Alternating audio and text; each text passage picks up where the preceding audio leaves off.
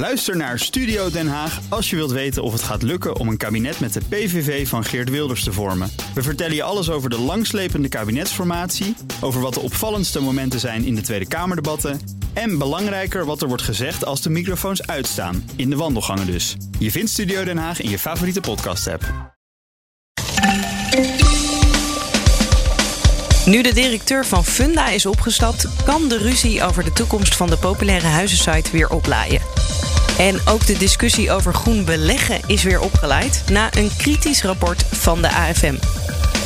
En het Amsterdam Dance Event staat op losse schroeven nu het grootste evenement afhaakt.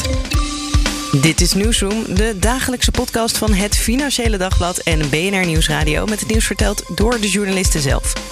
Ik ben Pauline Schuster en het is vandaag woensdag 15 september.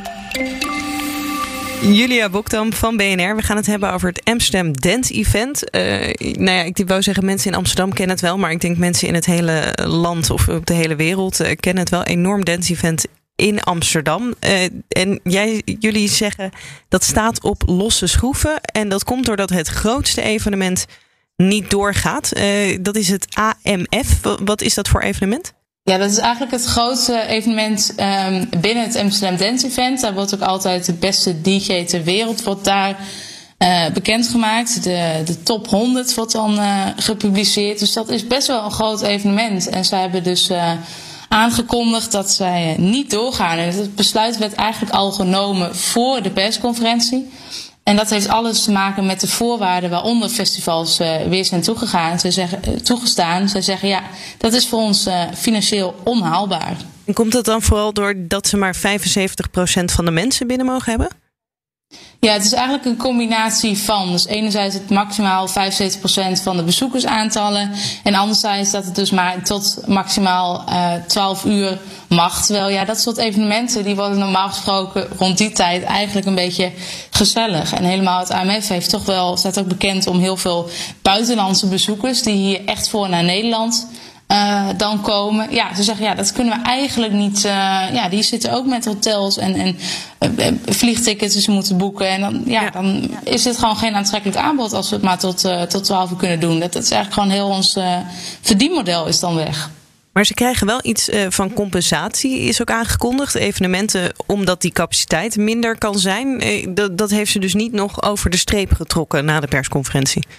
Ja, dat zei ik inderdaad. Uh, dat vroeg ik me inderdaad ook al. Hè, want is dit allemaal niet wat te voorbarig? Want er is aangekondigd, hè, de overige 25% van de verloren tickets, ja, dat gaat vergoed worden. Maar daar lijken ondernemers uh, ja, niet echt genoegen mee te nemen. Want vermogen in een Kamerbrief is dan aange aangekondigd dat daar 15 miljoen euro voor uh, ja, uitgetrokken gaat worden. Maar daarvan zeggen ze eigenlijk, ja, het is eigenlijk een beetje een uh, doekje voor het bloeden. Want je weet heel veel qua eisen ook nog niet. En dat krijg je misschien pas uh, ja, maanden later. En we moeten nu toch wel knopen doorhakken. We kunnen daar niet op blijven wachten. Dus die beslissing uh, ja, hadden ze al genomen. En ik heb dat dus na de persconferentie nog even bij ze uh, nagevraagd. Van, hè, blijft het inderdaad zo? Blijven jullie hier achter staan? Gaat het inderdaad niet door? Of hebben jullie toch nog iets gehoord van, uh, waarvan je zegt... nou, dit biedt toch aanknopingspunten zoals inderdaad... Uh, de 15% wat goed gaat worden, maar dat was niet het geval.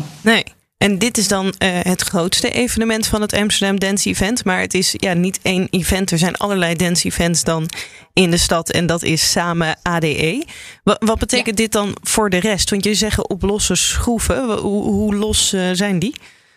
Nou ja, in ieder geval het grote evenement valt dus al weg. En we ja. hebben dus ook met uh, het Amsterdam Dance Event daarover gesproken. Maar zij zeggen ja, we kijken nog wel naar de mogelijkheden. We gaan ook met de organisatoren in gesprek, met de gemeente. Van hoe en op welke manier we het dan door kunnen laten gaan. Maar ja, um, dit is niet het enige evenement of onderdeel van het Amsterdam Dance Event wat zegt ja wij stoppen ermee. Want we spraken ook met uh, Mojo-directeur Ruben Brouwer. En hij heeft mm -hmm. ook in die dagen um, een evenement, een festival binnen het Amsterdam Dance Event. En hij zegt ook, ja, het is eigenlijk wel voor 90% zeker dat, het niet, uh, dat we het niet door laten gaan.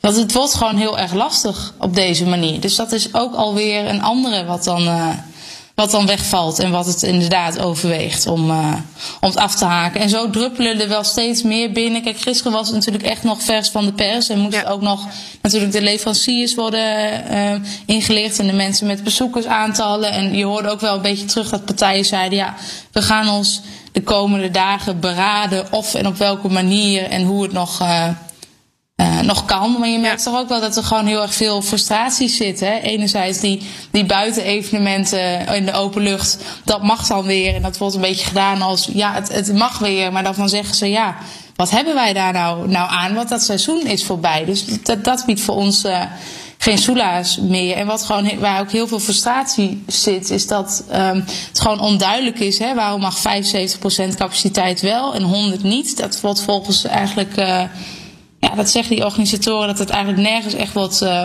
wordt onderbouwd. En je ziet dat in andere landen ja, toch meer mogelijkheden zijn. Dus bijvoorbeeld Alda heeft uh, afgelopen weekend een, een driedaags festival in Roemenië georganiseerd met 45.000 bezoekers per dag.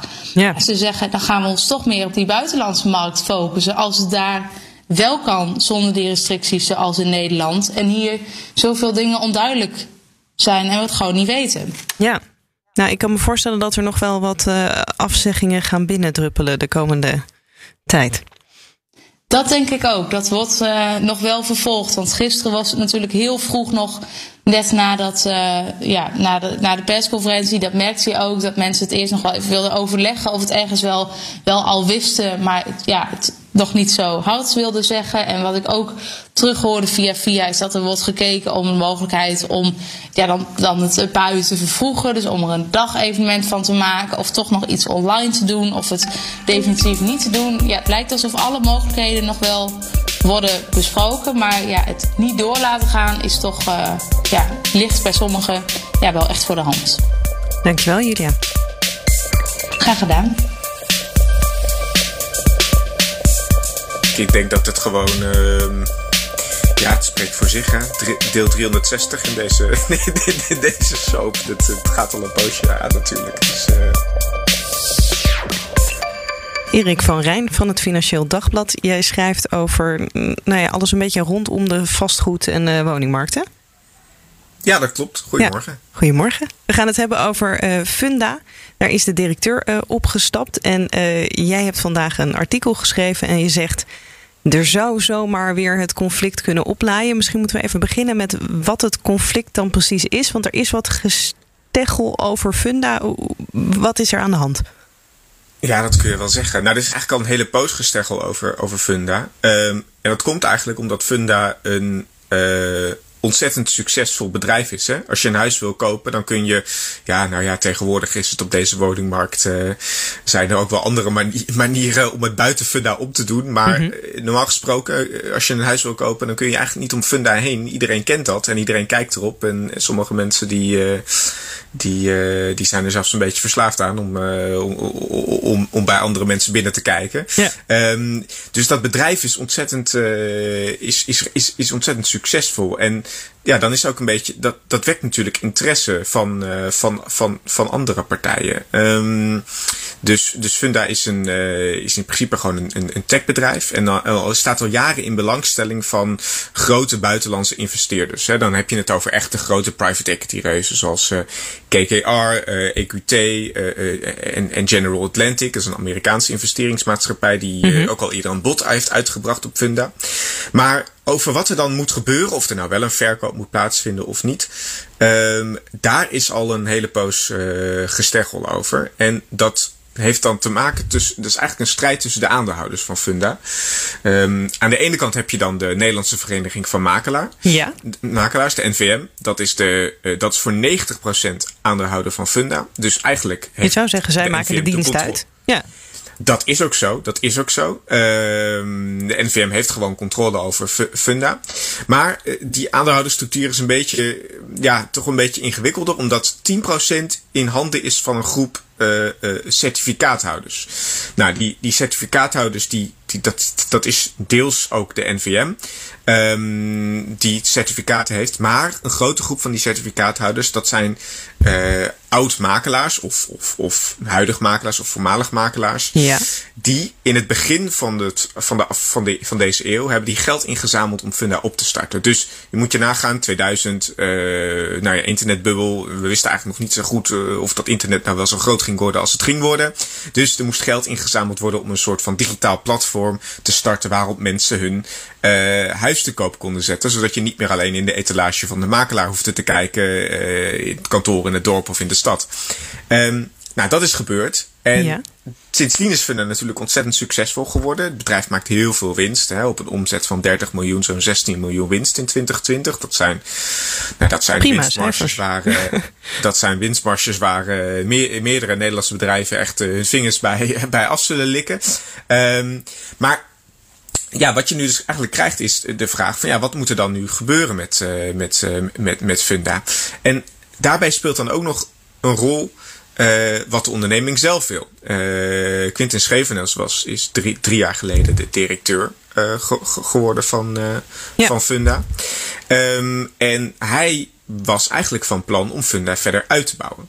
Funda is een. Uh, Funda moest eigenlijk niet, niet. Funda is eigenlijk sinds de oprichting niet, niet echt veranderd. Namelijk, dat is gewoon dat advertentieplatform geweest. En Schevenels zei van ja, je zou eigenlijk dat veel bij de verder kunnen uitbreiden. Want je zou bijvoorbeeld ook via Funda kunnen zorgen dat mensen hun hypotheek kunnen regelen. Um, via, dat, uh, via dat platform. Dus dat je niet alleen naar je huis kijkt en kijkt welk, uh, welk huis geschikt is voor jou en een afspraak kunt maken met de makelaar, maar dat je ook meteen je financiële gegevens kunt doorsturen naar een aantal hypotheekverstrekkers die je dan een aanbod kunnen doen uh, wat voor hypotheek je dan uh, via kunt krijgen. Dus met andere woorden, Funda moest eigenlijk het platform worden, de website waarop je alles over de aankoop van een huis of de verkoop van een huis kunt, kunt regelen. Was dat zijn idee of was dat ook het idee van de aandeelhouders, de NFM, NVM? Nou, en hier, hier, schuurt, hier schuren de belangen natuurlijk. Want dit was vooral het belang van hem en van de onderneming. Maar ja, dan heb je ook nog het belang van de grootaandeelhouder. En je moet je voorstellen, de, de NVM heeft een beetje een dubbele positie hier. Want aan de ene kant is uh, Funda er voor twee groepen mensen. Namelijk voor ons als, als huizenzoekers of als huizenverkopers, namelijk de consument. Maar vooral ook de makelaars. Dat zijn de grote klanten van Funda. Want als makelaar betaal je geld. Ja. Uh, of je nou bij de NVM bent aangesloten of niet. Om een advertentie op Funda te zetten. Nou, en uiteindelijk betaalt de consument dat natuurlijk. Maar goed, de makelaar die, die maakt dat geld over. En dat geld vloeit dan weer terug naar de NVM-makelaars. Die ook aandeelhouders zijn. Dus de NVM is zowel klant van, van de NVM-makelaars zijn klant van Funda, als uh, zijn klant van Funda en zijn aan, aandeelhouder van ja, Funda. Met eigenaar. andere woorden, die hebben eigenlijk helemaal niet zoveel te winnen bij veranderingen of aanpassingen, want het draait nu hartstikke goed. En de NVM zegt ja. Funda is er in principe voor ons als makelaars. Hè? Ja, wij, wij, zijn, wij zijn de groep uh, die het voor het zeggen heeft bij, bij Funda. Wij profiteren ervan. Funda is ingesteld voor ons en door ons als makelaars. Dus ja, wat hebben wij erbij te winnen als we nu in één keer uh, het heel anders gaan doen? Of in één keer een deel gaan van het bedrijf gaan verkopen. Uh, dat, uh, dat, dat is helemaal niet in ons belang om dat te doen. Dit is dus waar het schuurt en waardoor ja, ja nu eigenlijk je hebt gezien dat het belang van de onderneming, Funda, ja, een beetje een ander belang is dan uh, het belang van, uh, van de aandeelhouder, namelijk de grootaandeelhouder, namelijk de, de NVM. Ja, en de directeur die dus ook uh, nou ja, bezig was, grootse plannen had om het belang van Funda dan nou ja, te vergroten, om daarop in te zetten, die is opgestapt. Betekent dat dan ook dat die kant heeft verloren? Of weten we dat nog helemaal niet? Nou, dat is nu natuurlijk een beetje de vraag wat er, uh, wat, wat er gaat gebeuren. Kijk, aan de ene kant kun je natuurlijk zeggen van ja, uh, bij Funda zat iemand die uh, ambities had, die het bedrijf wilde uitbouwen, die het bedrijf wilde helpen groeien. Een beetje tegen het zere been misschien van de grootaandeelhouder, die ook nog wel, ja, die ook wel ideeën heeft over Funda, maar toch vooral nog niet heel erg duidelijk heeft wat er met Funda moet, uh, moet gebeuren. Dus ja, die kritische stem is nu natuurlijk wel weg. Die had, uh, je moet het zo zien. Ehm, toen hij werd aangesteld in 2018 was er al discussie over wat er nou precies met Funda moest gebeuren. En de NVM heeft telkens gezegd: ja, we gaan nog beslissen, we, gaan nog, we zijn nog in beraad wat, wat we nou eigenlijk willen met het belang dat we hebben in Funda, maar ook het belang dat we hebben in allerlei andere bedrijfjes. Nou, deze zomer is bekend geworden dat de NVM zei voorlopig zegt in ieder geval, die definitieve beslissing is nog niet echt genomen. Maar dat ze voorlopig zeggen, ja, we willen ons belang in Funda nog niet kwijt. Met andere woorden, we willen alles houden zoals het is. We willen niet uh, dat er um, veel verandert. Ja, en dat is voor de kritische stem natuurlijk. En voor de, de directeur die wel veel ambities had en vooruit wilde en andere dingen wilde dan met Funda dan misschien de, de grootaandeelhouder. Ja, dan toch de reden geweest om nu de handdoek in de ring te gooien. En te zeggen, nou ja, ik doe niet meer mee. En dat is toch wel vrij uitzonderlijk hoor, dat je dat, uh, dat, dat ziet gebeuren. En ook dat hij er redelijk open voor uitkomt. Uh, dat, het, dat het gewoon een.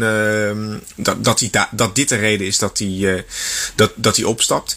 Um, en, Want heb jij hem ja, gesproken? Daar, nou, ik heb, hem, ik heb hem heel kort gesproken, maar hij wilde gewoon eigenlijk niet zoveel zeggen in ja. plaats van wat er op het persbericht staat. Maar het is gewoon een publiek geheim, dat, hè, dat heeft hij ook al eerder tegen mij gezegd, dat hij wel een voorstander van is dat er gewoon een nieuwe aandeelhouder bij Funda komt. Dat de NVM misschien wel een belang houdt in Funda, maar dat er in ieder geval een sterke nieuwe aandeelhouder komt uh, die uh, investeert in het bedrijf en die misschien ook wat meer ervaring heeft met, met ja, uh, platformen. Van dit soort platformen. Ja. en niet zozeer alleen ervaring hebben heeft in, in, in makelen.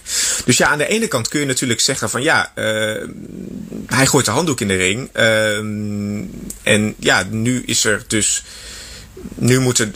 Het is heel interessant om te kijken wat er nu gaat gebeuren. Want de, in principe is de Raad van Commissarissen van Funda nu aan zet om te kijken ja, wie de opvolger moet worden. Maar ja, zolang nog niet duidelijk is wat er met Funda gaat gebeuren. En of er dan inderdaad een nieuwe aandeelhouder bij komt. Of er dan geen nieuwe aandeelhouder bij komt. Of een deel wordt verkocht. Of alles bij hetzelfde blijft. Is het natuurlijk wel de vraag hoeveel bestuurders daarop zitten te wachten om in te stappen bij een bedrijf dat ja, waar niet je weet wat ze niet, willen. Waar je niet weet wat ze willen. Of waarvan je niet weet wat een grootaandeelhouder nou eigenlijk wil met het bedrijf. Ja. Dus ja, dat is natuurlijk best wel een beetje lastig. Uh, en, uh, en ja, belangrijk daarbij zal natuurlijk zal vooral zijn um, hoe die strijd tussen de twee aandeelhoudersgroepen uh, nu gaat, gaat lopen. Um, ja, want, want die certificaathouders die zijn volgens mij naar de ondernemingskamer ook gestapt, toch? Dus de mensen, ja, de niet-NVM-aandeelhouders. Dat klopt. Dus je hebt aan de ene kant de NVM en aan de andere kant die groep certificaathouders. En een deel daarvan die hebben zich verzameld in een stichting. En die zijn naar de ondernemingskamer gezegd. Die hebben gezegd, ja, de NVM die wil helemaal niks. Maar dat is helemaal niet in het belang van de onderneming. Het is helemaal niet in het belang van de onderneming dat alles blijft zoals het is. We moeten gesprekken starten over uh, met de geïnteresseerde beleggers. En we moeten uh, of we moeten kijken of we misschien naar de beurs kan. Want dat was, dat was eerder altijd het, het, het, het, idee in begin deze eeuw dat Funda uiteindelijk misschien wel naar de beurs zou gaan. En dat probeerden ze af te dwingen uh, bij de ondernemingskamer. Nou, toen, wat er toen is gebeurd, is dat de NVM heeft gezegd: ja, nou wacht nou even met die zaak, wacht nou even met die zaak bij de ondernemingskamer, want wij zijn nu aan het kijken wat we met Funda willen en we nemen hier binnenkort echt een beslissing over. Nou, en dat is, daar heeft die groep uh, certificaathouders naar, naar geluisterd. Die heeft gezegd, oké, okay, nou ja. prima. Hè, die paar maanden, dat, dat maakt ook niet zo gek veel meer uit. Dus we wachten gewoon even. En die beslissing is dus deze, de voorlopige beslissing. Hè, daar hebben we een paar weken geleden over gepubliceerd. Is dus, de definitieve beslissing moet nog genomen worden. Maar de voorlopige beslissing is, de NVM wil helemaal geen zeggenschap over uh, funda kwijt. Want dat is helemaal niet in het belang van de NVM. Ze willen misschien wel een paar aandelen verkopen, maar lang niet zoveel dat er ook echt een sterke nieuwe aandeelhouder bij komt. Die ook echt wat in de melk te brokkelen heeft, zeg maar. Ja. Dus met andere woorden, alles blijft bij zoals het is. Ja, en nu is natuurlijk de vraag: wat gaat die, wat gaat die groep wat gaat die groep kleine aandeelhouders doen? Gaan die die zaak bij de ondernemingskamer hervatten? Of, uh, of komen ze in de komende weken toch nog tot elkaar en tot een soort van, ja, tot een soort van overeenkomst. Maar als ik gisteren een beetje hoorde wat ze te zeggen hadden, dan acht ik die kans best wel klein. Ja, Want ik zie nog niet, jij, hebt uh, die, uh, iemand van die stichting gesproken die zegt. We dreigen wel te hervatten als het nodig is, als de onderneming bij de keel wordt gegrepen. Maar dat klinkt nog niet als ja, we staan op de barricades en uh, moet echt anders. Nee, nee, je moet ook wel kijken. Kijk, um, als je procedure start bij de ondernemingskamer, dan moet er ook wel een belang zijn, zeggen zij, vanuit de onderneming om te zeggen: ja, wacht even, wij zijn nu, wij worden nu, wij als onderneming worden nu ook wel hierdoor geraakt, zeg maar. Dus, um, kijk, zij kunnen, zij kunnen in principe zeggen: ja, wacht even, de NVM heeft nou al zo lang gewacht um, met het komen tot een oordeel over wat ze nou willen met dat hele funda. Daar gaan wij niet, daar gaan wij niet op wachten. We gaan nu gewoon de ondernemingskamer vragen om een, uh, om een onderzoek in te, in te stellen. Maar ja, dan is nog maar de vraag of de ondernemingskamer daar aan wil. Maar ja, dat is een dilemma. Dat, ja, dat, dat daar, staan, daar staan zij voor. Ja. Um, uiteindelijk gaat het natuurlijk om de vraag of het nou over een maand al is, of over twee of drie maanden, of over een half jaar. Ja, kunnen die twee aandeelhouders een beetje en Funda tot een soort van gezamenlijk uh, overeenkomst komen. En kunnen ze samen uh, beslissen wat de, wat de toekomst is. En ja, ik zie die belangen voorlopig nog best wel ver uh, uit elkaar liggen. En dat heeft natuurlijk alles te maken met het feit dat de NVM ja, meerdere belangen heeft. Zoals, zowel als aandeelhouder als als uh, de, de groep die de belangrijkste klant is als, uh, als funda. Dus die zit op, ja, die, die, die moet meerdere uh, zaken afwegen. Um, en dan heb je misschien helemaal geen behoefte aan een, aan een, aan een verkoop. Ja, to be continued dus Erik, denk ik. Dat kun je wel zeggen, ja. Dankjewel. Alsjeblieft. Marianne Slegers, welkom terug in uh, Newsroom. Jij schrijft over de financiële markten. En we gaan het hebben over groen beleggen. De AFM heeft daar een, uh, gisteren een rapport over uh, gepubliceerd. En dat was nou ja, flink kritisch. Ja, klopt inderdaad. Ja, ze waren ja, kritisch. Of in ieder geval, ze hebben dus een, een onderzoek gedaan inderdaad naar een, een, een nieuwe regels over over uh, transparantie bij uh, duurzaam beleggen. Ja. Um, en daaruit bleek dat heel veel uh, fondsen die dus zichzelf een, een label of zich, zichzelf hebben geschaard in de categorie duurzaam, duurzaam ja. dat ze daar toch best wel vraagtekens bij hebben of dat wel klopt. Omdat de uitleg die gegeven wordt heel erg algemeen is. En ja, dus weinig diepgang heeft. En um, ja, waardoor ze eigenlijk ja, denken, hm, klopt dit wel? Is het, is het wel helemaal uh, ja, uh, volgens de realiteit, zeg maar. En uh, ja, dus behoorlijk kritisch eigenlijk, dat rapport. Ja. En, en wanneer mag je dat stickertje op jezelf plakken? Is dat heel helder dan wat je wel zou moeten laten zien om een duurzaam belegfonds of pensioenfonds of vermogensbeheerder of wat dan ook te zijn? Ja, nou dat is natuurlijk wel een beetje het punt inderdaad. De, de wet werd afgelopen uh, maart ingevoerd. Het is een Europese mm -hmm. wet. En uh, op dat moment waren heel veel dingen nog niet helemaal duidelijk. En uh, waren heel veel definities heel erg algemeen en heel breed. Waardoor het ook voor vermogensbeheerders behoorlijk ingewikkeld is geweest om ja, te weten van oké, okay, waar passen we nou precies onder? Wat, wat bedoelen ze hier nou mee? Dus ja, wat ik een beetje teruggehoord is dat um, uh, iedereen is maar gewoon begonnen. Van, met het idee van, nou, we moeten beginnen. Maar ja, we weten niet precies wat we aan het doen zijn. Dus het zou ook wel eens helemaal verkeerd kunnen zijn. En, en dat blijkt nu een beetje zo te zijn. Want nou, ten eerste is ook de wet niet bedoeld eigenlijk om um, een soort van uh, uh, label of ranking te krijgen van ja. is duurzaam.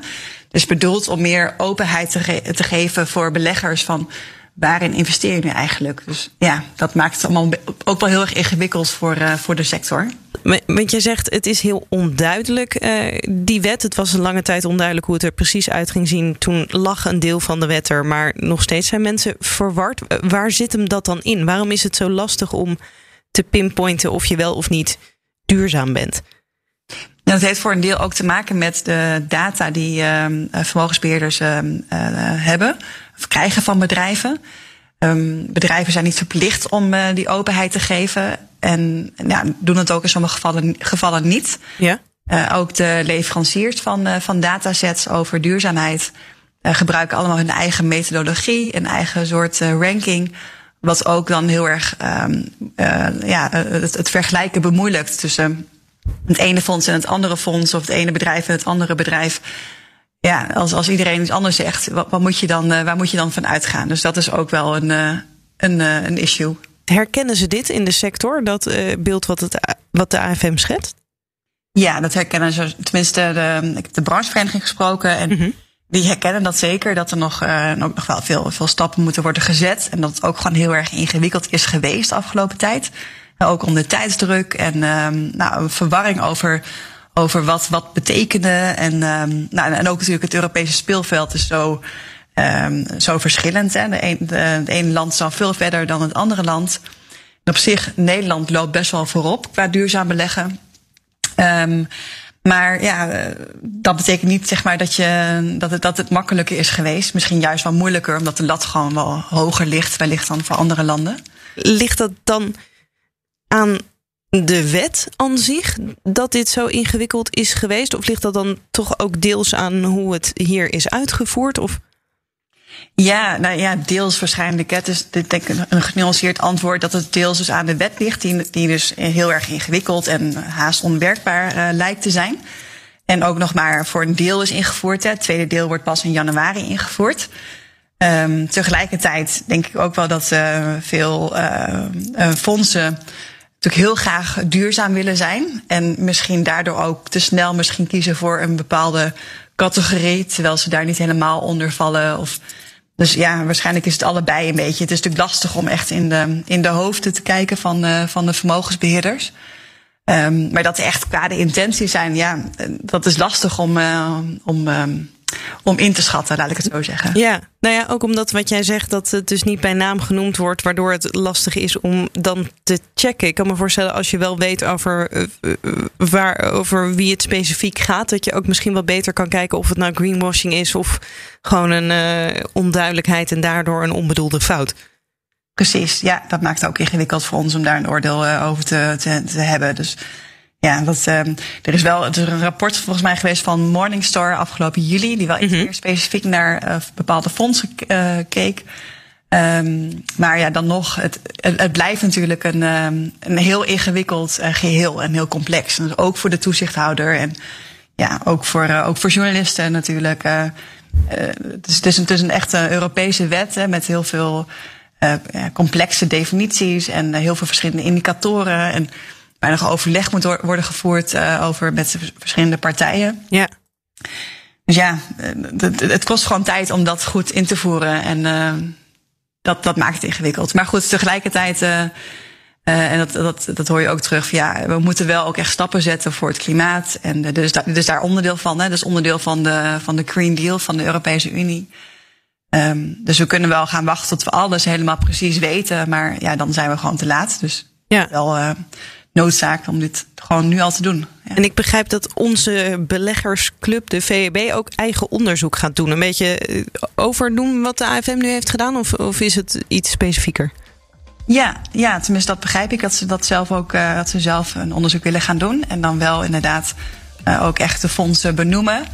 Niet, uh, niet, niet daar te, te voorzichtig mee zijn. Ik denk ook omdat ze ook voor, voor retail, voor, voor particuliere beleggers daar ook graag een soort van beschermende functie in willen spelen. Van ja. dit, dit, fonds is gewoon echt niet groen, ook al zeggen ze van wel. Dus uh, pas op. En hebben ze al een idee wanneer dat komt? Of, uh... Nee, volgens mij uh, moeten ze daar nog mee beginnen. Dus dat zal nog even duren voordat dat klaar is. Ja, net zoals alle wetten in Europa. Dat, ja. Even af. Ja, precies. Ja. Dankjewel Marianne. Graag gedaan. En hiermee zijn we aan het einde van Newsroom voor vandaag. Morgen zijn we er natuurlijk weer. En wil je geen enkele aflevering missen? Abonneer je dan vooral in de BNR-app of in je favoriete podcast-app. Wil je reageren? Dat kan per mail newsroom.bnr.nl of newsroom.fd.nl. En voor iedereen heel graag tot morgen.